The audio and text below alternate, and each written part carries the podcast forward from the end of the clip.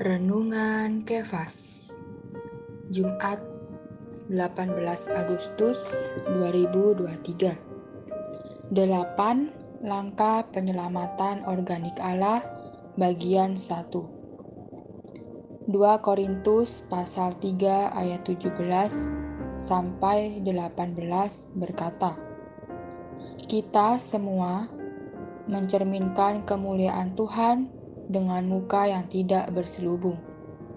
Karena kemuliaan itu datangnya dari Tuhan yang adalah roh, maka kita sedang diubah menjadi serupa dengan gambarnya dalam kemuliaan yang semakin besar. Langkah pertama keselamatan organik Allah adalah kelahiran kembali. Oleh karena itu, kita dapat mengatakan bahwa Kelahiran kembali adalah inti keselamatan lengkap Allah dan permulaan dari keselamatan Allah dalam aspek organiknya. Ini adalah Allah sendiri sebagai roh masuk ke dalam roh kita untuk menghidupkan kita. Dengan kata lain, kita dilahirkan kembali, dijadikan hidup dalam roh kita melalui roh Allah inilah kelahiran kembali. Penggembalaan adalah langkah kedua dari keselamatan organik Allah Tritunggal. Penggembalaan meliputi pemberian makan, sama seperti ibu yang merawat memberi makan kepada bayinya agar bertumbuh. Dengan cara ini, Tuhan memberi Petrus amanat untuk memberi makan domba-dombanya untuk kepentingannya. Dia juga membangkitkan orang-orang seperti Petrus untuk menjadi wakil gembala, untuk memberi makan domba-dombanya dan mengembalakan kawanannya.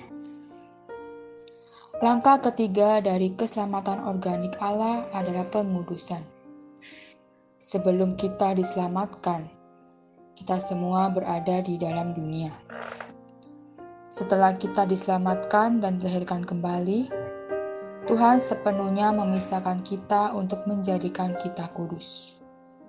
Inilah pengudusan secara kedudukan. Tetapi tidaklah cukup untuk dipisahkan dan dijadikan kudus kepada Allah secara posisi atau kedudukan. Setelah kita dikuduskan secara posisi dan didamaikan dengan Allah ketika kita mulai menuntut dalam hayat. Kita akan merasakan sesuatu di dalam kita yang bukan watak kita, melainkan sifat Allah. Langkah keempat dari keselamatan organik Allah adalah pembaruan pikiran.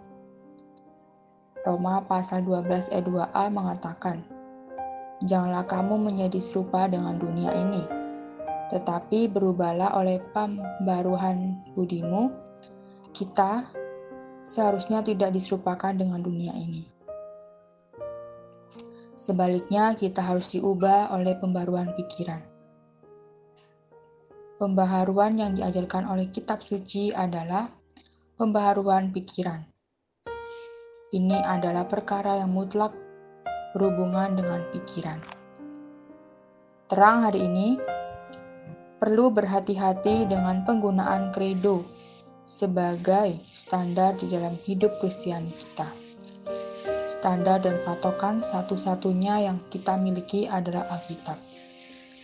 Doa hari ini berdoa agar Tuhan menyelamatkan kita dari penyelewengan standar dan menjaga kita hanya pada satu standar, yaitu Alkitab.